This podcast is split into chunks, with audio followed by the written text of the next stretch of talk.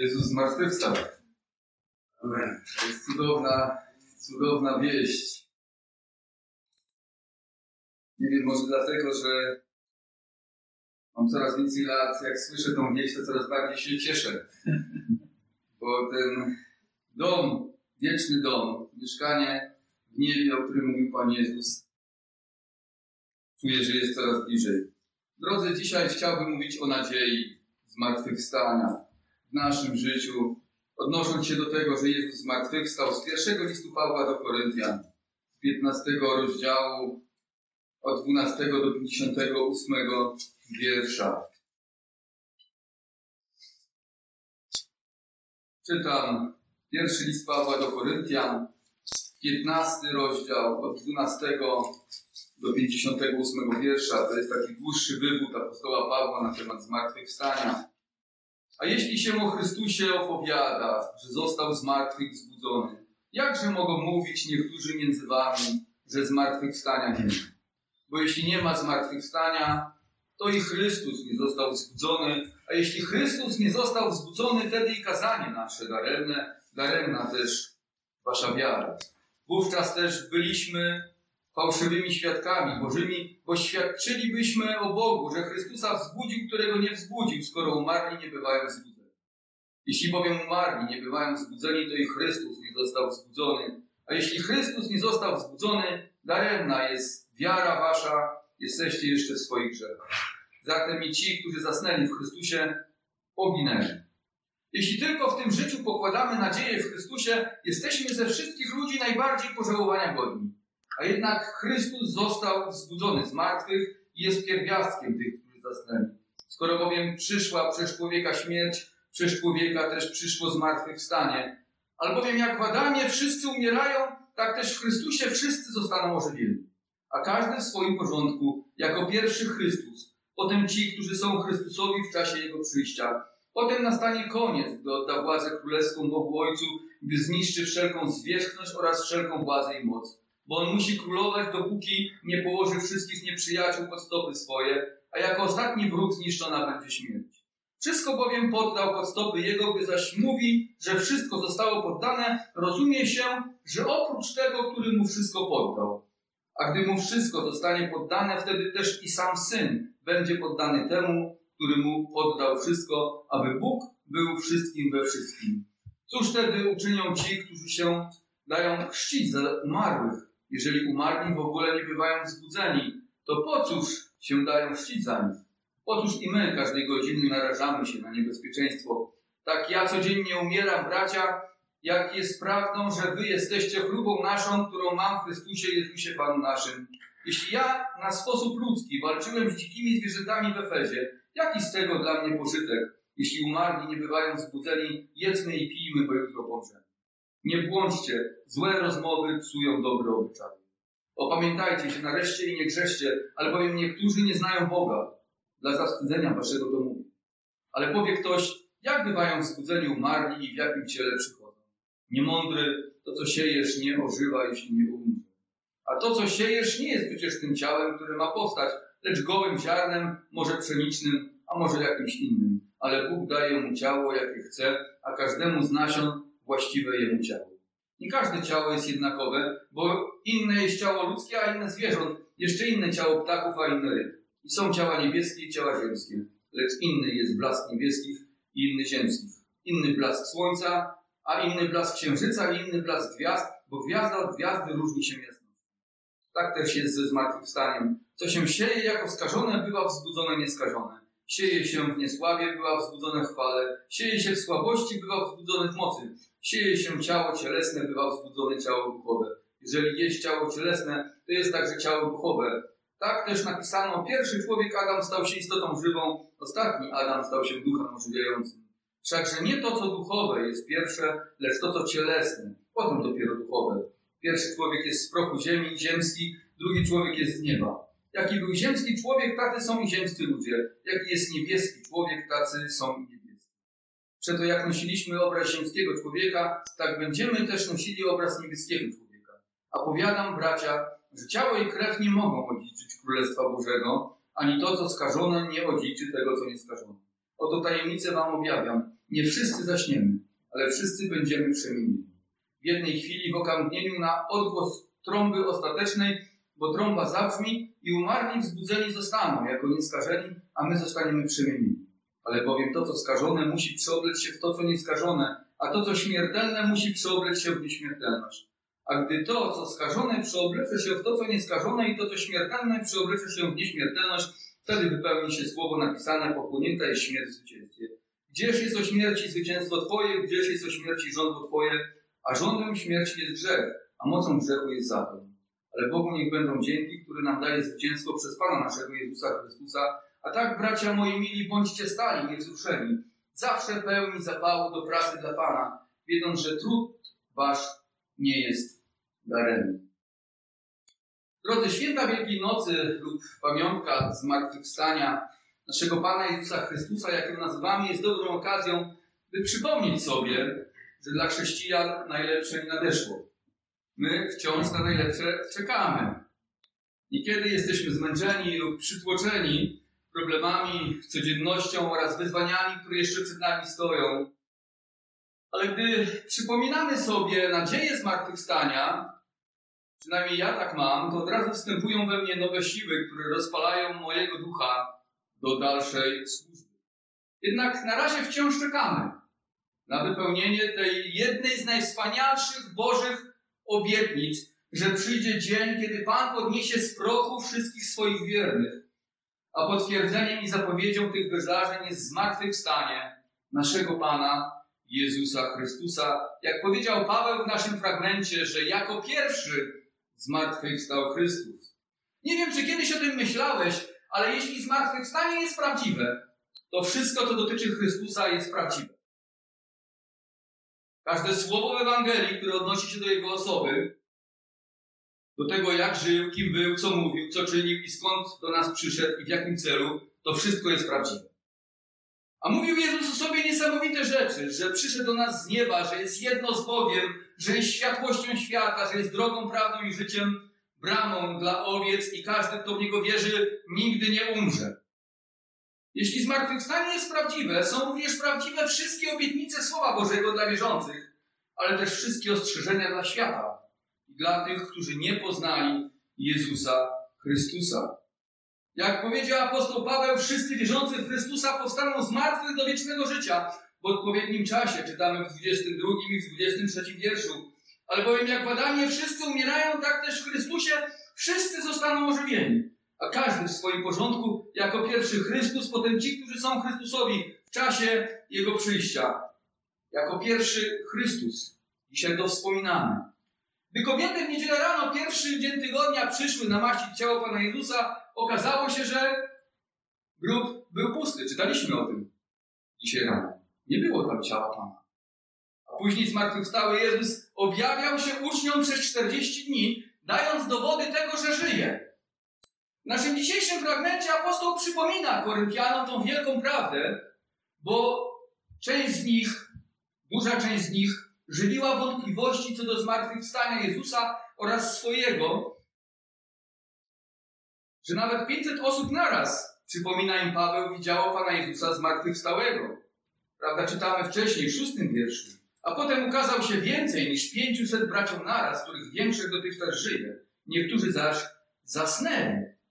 Więc Paweł musiał im przypominać, że to nie są jakieś bajki, że to nie jest jakaś pobożna legenda chrześcijańska, ale on, mówiąc o zmartwychwstaniu, mówi o faktach. W tym czasie, kiedy Paweł to mówił, powiedział, że jeszcze niektórzy z nich żyli. To więc Paweł sugeruje tym, którzy mają wątpliwości, słuchajcie, idźcie i zapytajcie ich. Nie mówię tutaj wam żadnych bajek. Słuchajcie, jeszcze 500 osób jest. Możecie do każdego z nich pójść i zapytać się, czy Pan żyje? Czy Pan naprawdę zmartwychwstał? Czy 500 świadków w sądzie mówiących, że widziało dane zdarzenie, byłoby wiarygodnych? Czy dowodziłoby to ponad wszelką wątpliwość, że zdarzenie miało miejsce? Podczas norymberskiego procesu w 1946 roku na zbrodniarzach wojennych III Rzeszy zeznawało 240 świadków, i była to wystarczająca ilość, by stwierdzić ponad wszelką wątpliwość, że ci, którzy byli postawieni w stan oskarżenia, brali, brali udział w śmiertelnej maszynie zagłady III Rzeszy. 240 świadków, żeby potwierdzić, że zbrodnie nazistowskie rzeczywiście miały miejsce. To wystarczyło. A tutaj mamy ilu świadków, mówi apostoł Paweł? Pięciuset, że Pan naprawdę zmartwychwstał i Pan naprawdę żyje. I każdy z nich zeznawałby, że widział Jezusa zmartwychwstałego. Dowodzi to, że Pan prawdziwie żyje. Jeśli w to wierzycie, również żyć będziecie. O tym nam mówi Ewangelia. Grób okazał się pusty, a wszystkie ludzkie próby wyjaśnienia, jak do tego mogło dojść, właściwie prowadzą nas do zmartwychwstania. Dlaczego? Bo często są tak nieporadne i niedorzeczne, że łatwiej uwierzyć w zmartwychwstanie, niż na przykład w to, że uczniowie wykradli ciało Jezusa w nocy. Może słyszeliście o czymś takim. Wiemy, że faryzeusze i niektórzy znaczniejsi arcykapłani zapłacili ludziom, żeby głosili taką prawdę. Jakiś czas temu mieliśmy okazję oglądać film w kinach Sprawa Chrystusa. Oparty na prawdziwych wydarzeniach, gdzie dziennikarz ateista, Lee Robert, zaniepokojony nawróceniem swojej żony, chciał koniecznie jej udowodnić, że chrześcijaństwo jest nieprawdziwe. Pokazać, że zmartwychwstanie to wielkie oszustwo, wielka mistyfikacja. Badając tą kwestię oraz kwestię zmartwychwstania, znalazł dowody na wiarygodność tej niezwykłej nowiny. Co się dzieje? On sam się nawraca. Gdy przyjrzał się bliżej faktom o zmartwychwstaniu, sam się nawraca. Co go przekonało? Co przekonało go do Jezusa, tego sceptycznego dziennikarza, chcącego ratować żonę przed zgubnym zabobonem, jakim jest chrześcijaństwo w jego opinii? Drodzy, przekonały go fakty. Relacje świadków i słaby materiał dowodowy co do innych wyjaśnień. Czy uczniowie byliby w stanie pokonać doświadczoną rzymską straż, która miała pilnować grobu aż do trzeciego dnia i ukraść ciało Jezusa, a później rozgłaszać kłamstwo, którym niby było zmartwychwstanie? Musimy wiedzieć, że pilnowanie grobu nie wyglądało tak jak na wielu filmach, że dwóch strażników stoi przy kamieniu. Oddział Straży Rzymskiej liczył od 4 do 16 żołnierzy. Czterech z nich ustawiało się przed tym, czego mieli pilnować, a pozostali otaczali ich w półokręgu i odpoczywali. Po czterech godzinach była zmiana warty. Ci, którzy odpoczywali, stawali na straży, a zmęczona czwórka odpoczywała. Zaśnięcie strażników również możemy wykluczyć, bo było to jednoznaczne z karą śmierci. Żaden rzymski żołnierz nie pozwoliłby sobie na sen podczas służby. Zbyt dużo było do stracenia. Pamiętam ja swoją służbę wojskową. Ci, którzy byli w wojsku, być może mieli jakieś warty, to wiedzą o tym, że zaśnięcie na warcie groziło konsekwencjami. W moim przypadku być może nie były to jakieś wielkie konsekwencje, być może nie dostałbym przepustki, może jakieś przywileje zostałyby mi zabrane. Ale w przypadku rzymskich żołnierzy zaśnięcie na warcie groziło śmiercią. To więc jeśli ja czuwałem, bojąc się, że złapią mnie śpiącego, to wyobrażam sobie, jak musieli czuwać rzymscy żołnierze. Do tego byli to świetnie wyszkoleni żołnierze i przelęknięci uczniowie, rybacy, nie mający doświadczenia w walce, nie mieliby z nimi żadnych szans. Równie niedorzeczna jest teoria omdlenia, że Jezus po wszystkim obudził się w grobowcu i sobie zwyczajnie poszedł. Są też tacy, co twierdzą, że dotarł do Indii. Nie każdy, kto chce, każdy, kto chce trochę zbadać specyfikę śmierci krzyżowej, wie, że takie argumenty są niedorzeczne. Pan Jezus przed ukrzyżowaniem został poddany biczowaniu, które spowodowało jego znaczne osłabienie i obfite krwawienie. Następnie został przybity do krzyża za nogi i ręce, gdzie powoli się wykrwawiał i tak wisiał około trzech godzin. A później na koniec przebito jego włócznią bok. Czy ktoś po takich to torturach byłby w stanie się ocknąć i opuścić zabezpieczony dwutonowym kamieniem grób? To jest bardziej niedorzeczne niż zmartwychwstanie. Miejmy też na uwadze, że zaraz po tym, jak zniknęło ciało Jezusa, jego uczniowie z przestraszonych stali się odważnymi świadkami Chrystusa, głoszącymi, że On żyje. Byli nawet gotowi położyć na, za niego, za wiarę w niego własne życie, co zresztą większość z nich uczyniła według tradycji chrześcijańskiej. Nie mamy oczywiście wielu tych faktów spisanych, ale tradycja chrześcijańska mówi, że jedenastu z apostołów oddało życie męczeńską śmiercią za Chrystusa. Prawdopodobnie tylko Jan dożył późnej starości i zmarł śmiercią naturalną. Przecież wcześniej nie byli w stanie tego zrobić, gdy mieli żywego Jezusa przy sobie, a teraz byliby w stanie zrobić to z powodu martwego Jezusa? Znowu mamy niedorzeczną historię. Przecież jeden z najwierniejszych jego uczniów nawet zaparł się go, a teraz miałby oddać życie za niego, wiedząc, że on umarł. Co mogło przekonać tych wystraszonych dwunastu apostołów? Co ich przekonało do tego, że warto za wiarę Jezusa oddać życie? Co mogło sprawić, że z tchórzliwych stali się niezwykle odważni, ze zrezygnowanych pełni zapału, ze smutnych radości? Jest tylko jedna rzecz, która mogła to uczynić w moim przekonaniu. To spotkanie ze zmartwychwstałym Chrystusem, co dało im pewność, że wierząc w Niego, prawdziwie pokonali śmierć. A żyjąc i umierając za Niego, zyskują życie na wieki. Spotkanie ze zmartwychwstałym dało im poczucie zwycięstwa i wolności od strachu, obaw, przygnębienia, rezygnacji i wszystkiego, co wcześniej powodowało, że nie byli w stanie sprostać misji zleconej im przez Pana Jezusa. Wydaje się mi, że wszyscy ludzie gdzieś w głębi duszy czują, że śmierć nie kończy naszego życia. Mam takie przekonanie, głębokie w sercu, że każdy człowiek, nawet niewierzący, wie, że to życie ostatecznie to nie jest koniec i tęskni za wiecznością. Ludzie może nie zdradzają czasami tego przekonania, ale wierzę, że tak jest. Może nie, często nie wiedzą, czym jest ta wieczność, ale wierzę, że mają takie pragnienie, mają gdzieś takie przekonanie, że coś jest po drugiej stronie i mają jakąś nadzieję, że może jednak to nie jest koniec. Stąd w wielu religiach jest nadzieja życia po śmierci. Po prostu nie chcemy umierać. Wiemy, że nasze życie ma większe znaczenie niż tylko to, co robimy tu i teraz. Biblia mówi, że Bóg wieczność włożył w serce człowieka. Księga Kaznodziei Salomona 3:11. Jest trochę tak, jak wyraża to pewna historia. Że mały niewidomy chłopiec puszczał latawiec, a pewien mężczyzna podszedł do niego i spytał się, skąd wie, że latawiec tam jest. A chłopiec odpowiedział, wiem, bo czuję pociągnięcie sztuki. Wierzę, że każdy człowiek, nawet niewierzący, w jakiś sposób czuje to szarpnięcie sznurka. Nie jest w stanie zdefiniować, co tam dokładnie jest po drugiej stronie, ale wie, że jest. Z pomocą przychodzi nam Słowo Boże. Ono wychodzi nam naprzeciw naszej niepewności. Wskazuje na Chrystusa jako tego, który przyniósł dla nas nieśmiertelność. Jak czytamy w 22 wierszu, ale bowiem jak w Adamie wszyscy umierają, tak też w Chrystusie wszyscy zostaną ożywieni. W Ewangelii Jana 5,28 Pan Jezus powiedział, nie dziwcie się temu, gdyż nadchodzi godzina, kiedy wszyscy w grobach usłyszą głos Jego. I wyjdą ci, co dobrze czynili, aby powstać do życia, a inni, którzy źle czynili, by powstać na sąd. Drodzy, w odpowiedniej chwili wszyscy ludzie powstaną z martwych.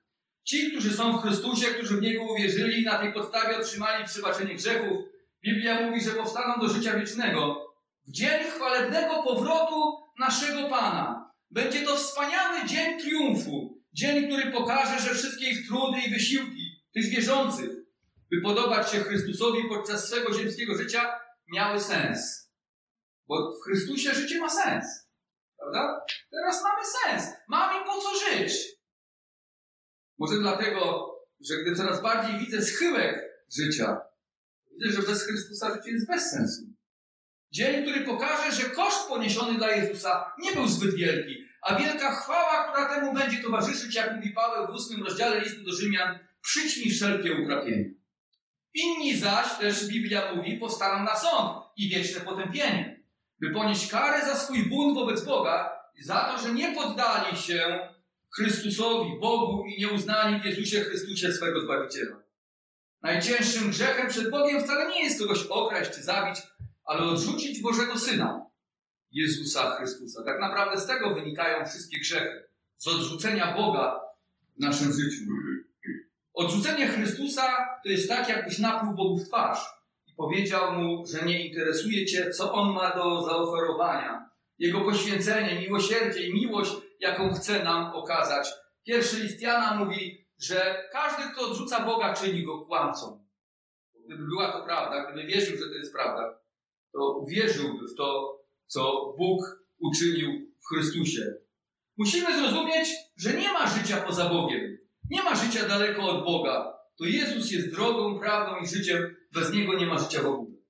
Może niektórzy z nas chcieliby uciec od swojego losu, od odpowiedzialności za swoją wieczność, ale nie da się tego zrobić.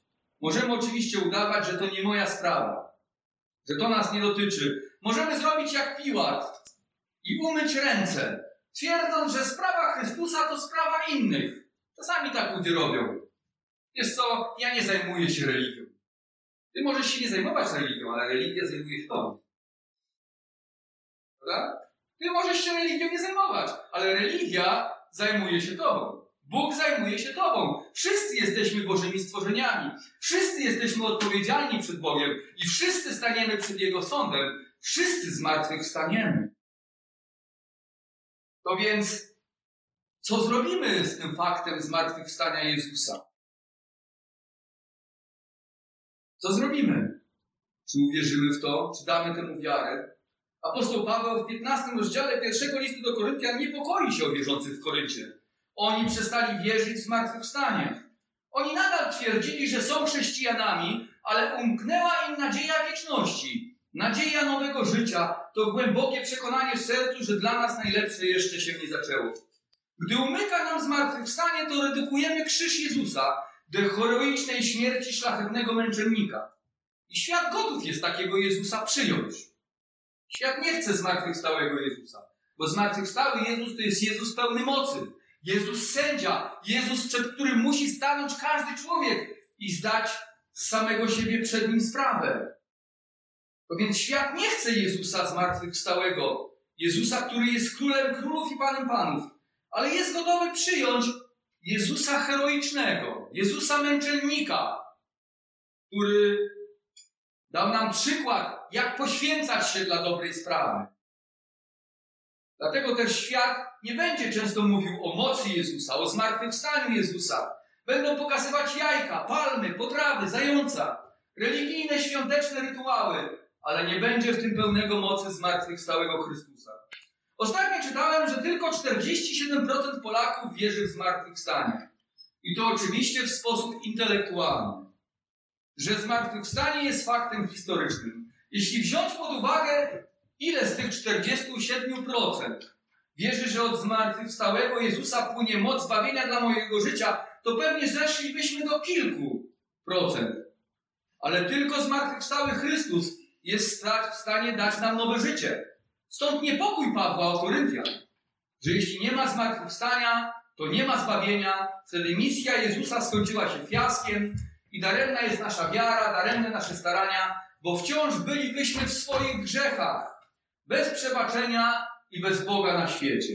Wtedy rzeczywiście, jak mówi Paweł, my chrześcijanie bylibyśmy ze wszystkich ludzi najbardziej pożałowania godni. Mówi w dziewiętnastym wierszu. Jeśli tylko w tym życiu pokładamy nadzieję w Chrystusie, jesteśmy ze wszystkich ludzi najbardziej pożałowania godni. Dlaczego? Bo staramy się i poddajemy w naszym życiu wszystko Jezusowi, by we wszystkim się Mu podobać. I to miałoby nie mieć sensu. Czasami jest taka wiara ludzi, którzy chcą, aby Jezus poprawił tylko komfort ich życia.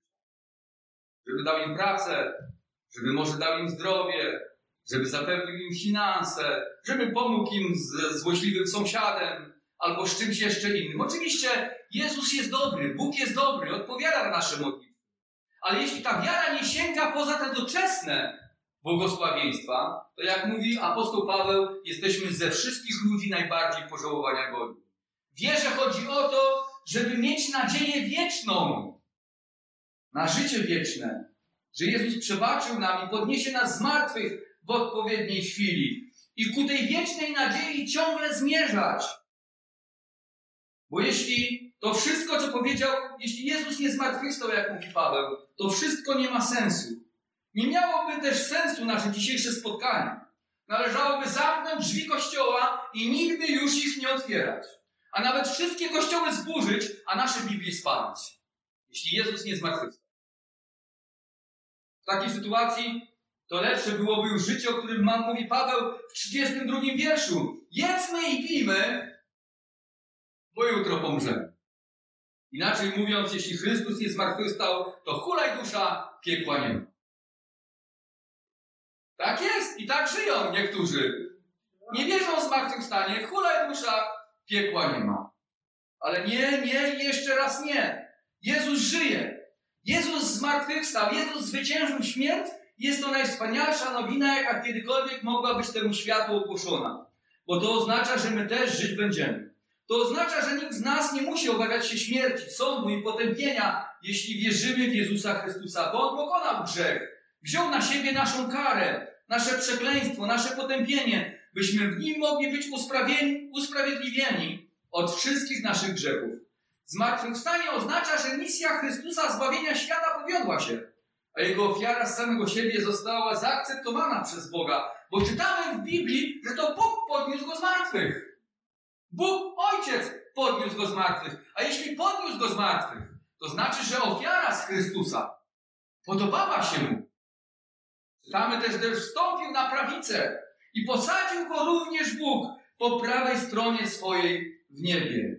Aby Jezus panował i był pośrednikiem między Bogiem a człowiekiem dla wszystkich, którzy przychodzą do Boga po przebaczenie i zbawienie.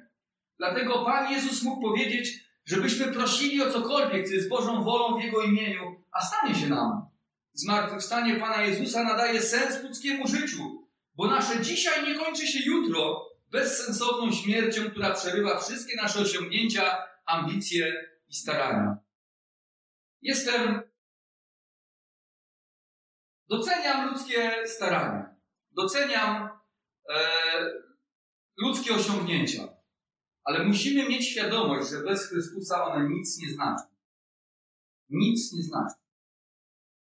Śpiewamy pieśń, że kiedyś wszystkie sławne imiona zgasną, ale imię Jezus będzie żyć na wieki. Miejmy tego świadomość. Podziwiamy czasami wielkich ludzi, które mieli wielkie osiągnięcia, ale największym osiągnięciem to jest to, co Chrystus zrobił, a nie to, co ludzie zrobili że Chrystus zmartwychwstał i żyje, a my możemy Mu zaufać i żyć razem z Nim. Ostatecznie ten, kto zaufał Chrystusowi, więcej osiągnie niż ten, kto zdobył największe osiągnięcia tego świata w myśl słów Pana Jezusa. Co z tego, choćbyś cały świat pozyskał, a duszę byś zatracił. Dzięki zmartwychwstaniu Pana Jezusa, który jest gwarancją powstania do życia wszystkich, którzy w Niego wierzą, apostoł Paweł mógł zakrzyknąć Gdzież jest o śmierci zwycięstwo Twoje? Gdzież jest o śmierci żądło Twoje? 55 i 56 wiersz. Czy wiesz, że jeśli uwierzyłeś w zmartwychwstałego Jezusa, pokonałeś śmierć, świat, szatana i jesteś o wiele dalej niż wszyscy wielcy i mądrzy tego świata, którzy wciąż szukają odpowiedzi? Drodzy, drogi przyjacielu, bracie i siostro, mógłbyś pojechać do NASA, Narodowej Agencji Aeronautyki i Przestrzeni Kosmicznej i powiedzieć im, że znasz prawdę.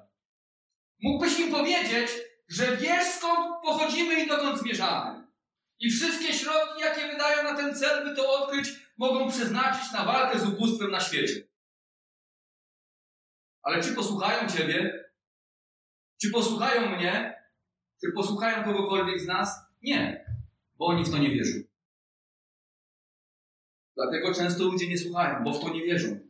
Uwierzą we wszystko inne, ale często nie uwierzą we zmartwychwstałego Chrystusa. Dla nich jest to zbyt niedorzeczne. Raczej wolą wierzyć w to, że uczniowie przyszli i wykradli Jego ciało. Ale może zapytasz, to jak to jest z tym przyszłym zmartwychwstaniem? Jak ono będzie wyglądać? Jakie będziemy mieli ciała? Tak też mówi apostoł Paweł w naszym tekście, 35 wierszu. Ale powie ktoś, jak bywają zbudzeni umarli i w jakim ciele przychodzą? Drodzy, musimy być jeszcze trochę cierpliwi, bo cielesne zmartwychwstanie wierzących będzie dopiero miało miejsce w dzień ponownego przyjścia na ziemię Pana Jezusa. Pan Jezus często zapowiadał w Ewangeliach swój powrót z nieba, mówiąc, że ujrzy go każde oko, że zobaczą go wszyscy mieszkańcy ziemi, kiedy przyjdzie na obłokach jako królów król i panów pan, choćby w Ewangelii Marka 13:36. Wtedy, kiedy będzie miało do tego dojść, nastąpi zmartwychwstanie. Wszystkie święte dusze zostaną na nowo przeobleczone nowym niebiańskim ciałem. Spójrzmy na wiersz 52 w naszym tekście. W jednej chwili, w okamgnieniu, na odgłos trąby ostatecznej, bo trąba zabrzmi i umarli, wzbudzeni zostaną jako nieskażeni, a my zostaniemy przemienieni. W chwili, gdy Bóg wyda rozkaz do zakończenia znanej nam historii świata, gdy zabrzmi trąba ostateczna, wtedy w jednej chwili, w jednej sekundzie, w okamgnieniu nastąpi zmartwychwstanie. Podobnie czytamy w liście apostoła Pawła też do Tesaloniczan. To jest Tesaloniczan 4, 14 do 17. Zajrzyjmy tam. Ale powiem, jak wierzymy, że Jezus umarł i zmartwychwstał, tak też wierzymy, że Bóg przez Jezusa przywiedzie z nim tych, którzy zasnęli. A to wam mówimy na podstawie słowa Pana, że my, którzy pozostaniemy przy życiu aż do przyjścia Pana, nie wyprzedzimy tych, którzy zasnęli. Gdyż sam Pan na dany rozkaz na głos Archanioła i trąby Bożej stąpi z nieba. Wtedy najpierw powstaną ci, którzy umarli w Chrystusie, potem my, którzy pozostaniemy przy życiu, razem z nimi porwani będziemy w obłokach powietrze na spotkanie Pana. I tak zawsze będziemy z Panem. Pierwsi powstaną z martwych wszyscy, którzy wcześniej zmarli, nadziei zmartwychwstania. Ci, których dusze obecnie są u Pana już w jakimś stopniu cieszą się wiecznością. Później nowe ciało otrzymają ci wszyscy wierzący w Jezusa, którzy w czasie Jego powtórnego przyjścia będą żyć na ziemi. Oni zostaną porwani w powietrze i przemienieni, jak czytaliśmy, i tak jedni i drudzy będą razem z Panem panować na wieki. Teraz zobaczmy, jakie nowe ciała otrzymamy dzięki mocy Bożej. Bóg stworzył nasze pierwsze ciała, które pogrążyły się w grzechu i które stały się skażone oraz znikome. To więc ma moc uczynić i drugie ciało. Nowe ciała, które da Bóg wierzącym, będą zupełnie inne niż te, które mamy teraz. To ciało obecne jest poddane grzechowi i wielu słabościom, które z grzechu wynika. Odczuwamy zmęczenie, przygnębienie, głód, chorujemy oraz jesteśmy słabi, narażeni na wypadki i musimy umierać. Szczególnie widzimy to w czasach pandemii. Jak wielu naszych bliskich, znajomych e, choruje, a niektórzy z nich odeszli. Marta dziękowała za rodziców. Chwała Bogu, że Bóg uzdrowił ich, że Bóg podniósł ich. Ale właśnie między innymi przez takie sytuacje, kiedy my sami chorujemy, chorują inni wokół nas albo odchodzą, widzimy jak jesteśmy słabi. Ale nowe ciało będzie zupełnie inne. Będzie czymś nowym, czymś wspaniałym, czymś, co nie podlega żadnej dzisiejszej słabości. Nie wiemy, jak dokładnie będzie wyglądać, ale jednego możemy być pewni, że przebije wszystko to, co dotychczas znamy. Apostoł Paweł próbuje to wyjaśnić Koryntianom na przykładzie siewu i wzrostu. To ciało, które mamy teraz, jest jakby zasiewem na powstanie tego nowego. 34 wiersz.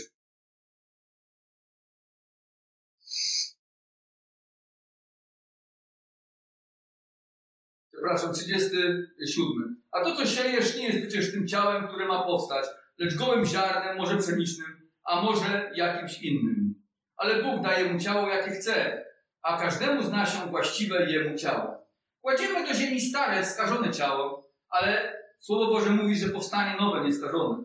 Trudno powiedzieć, jakie dokładnie będzie, ale nie będzie tym samym ciałem, bo Bóg ma zaprojektowane różne ciała dla różnych istot. Apostoł Paweł mówi, że to jest trochę jak ziarnem, które wrzucasz do ziemi. Stare musi umrzeć. To obecne nasze ciało nie może odziedziczyć Królestwa Bożego. Niemądry, to co siejesz nie ożywa, jeśli nie umrze. Czytamy w 36 wierszu.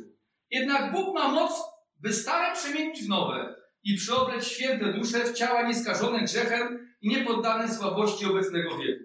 Trudno powiedzieć po samym ziarenku, co z niego wyrośnie, tak trudno powiedzieć, jak będą wyglądały nasze nowe ciała. Na dłoni wszystkie ziarenka mogą wyglądać podobnie, jak na przykład ziarenko jabłoni i pszenicy. Prawda? Dwa ziarenka, które położysz, nie mam, mógłbym zademonstrować, ale wyglądają podobnie. Ale gdy zasadzisz do ziemi, z tego wyrośnie mały, wątły płos z pszenicy, a z jabłoni wyrośnie duże, piękne, stabilne drzewo. To więc też trudno powiedzieć dokładnie, jak będzie wyglądało nasze ciało. Że, Ale to nie znaczy, że nic nie możemy powiedzieć o tych nowych ciałach. Wiemy, że będą nieskażone, niezniszczalne, nie mogą chorować, nie będzie można nas zranić, nie będziemy się w ogóle męczyć, starzeć, nie mogą już umrzeć. Będą to ciała chwalebne, pełne chwały, które zostaną pozbawione wielu ograniczeń, z którymi zmagamy się dzisiaj. Prawdopodobnie wszystkie zmysły zostaną wyostrzone, a także otrzymamy nowe funkcje, nowe możliwości. Może będziemy mogli latać, bo przecież przychodzimy z Jezusem z chmur, z powietrza na ziemię. Prawda? To więc kto wie? To nowe ciało już nie może grzeszyć przede wszystkim. Nigdy nie zrobi już niczego złego. Nie pomyśli o niczym złym. Jest ciałem pełnym mocy, pozbawionym wielu ograniczeń. W jakim stopniu zmartwychwstałe ciało Jezusa rzuca trochę światła na tajemnicę, jak to będzie wyglądało. Pierwszy Jana 3,2 czytamy tak. Umiłowani, teraz dziećmi Bożymi jesteśmy, ale jeszcze się nie objawiło, czym będziemy. Lecz wiemy, że gdy się objawi, będziemy do Niego podobni, gdyż ujrzymy Go takim, jakim jest.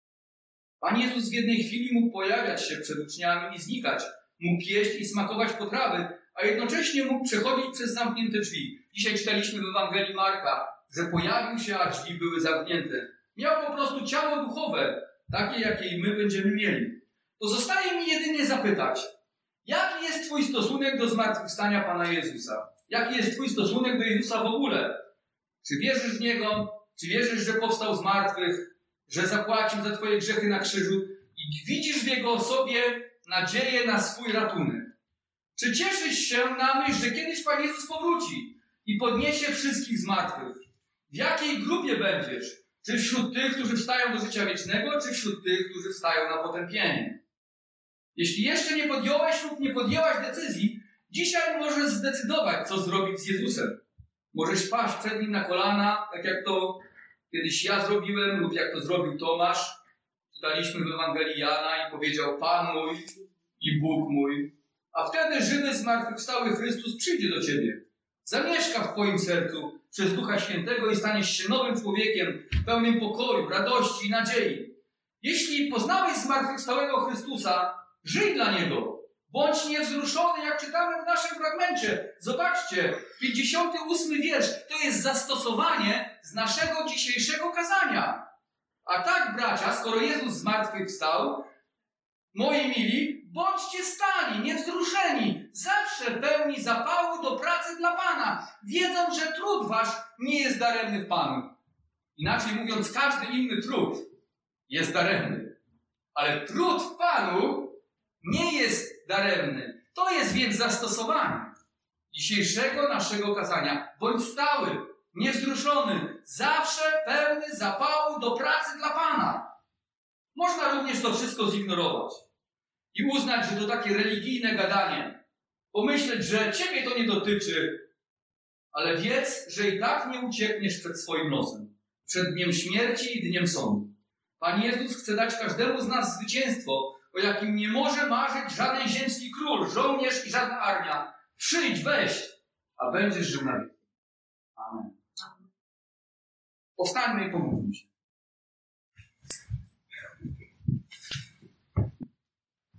Panie nasz, bardzo dziękujemy Tobie za zmartwychwstanie.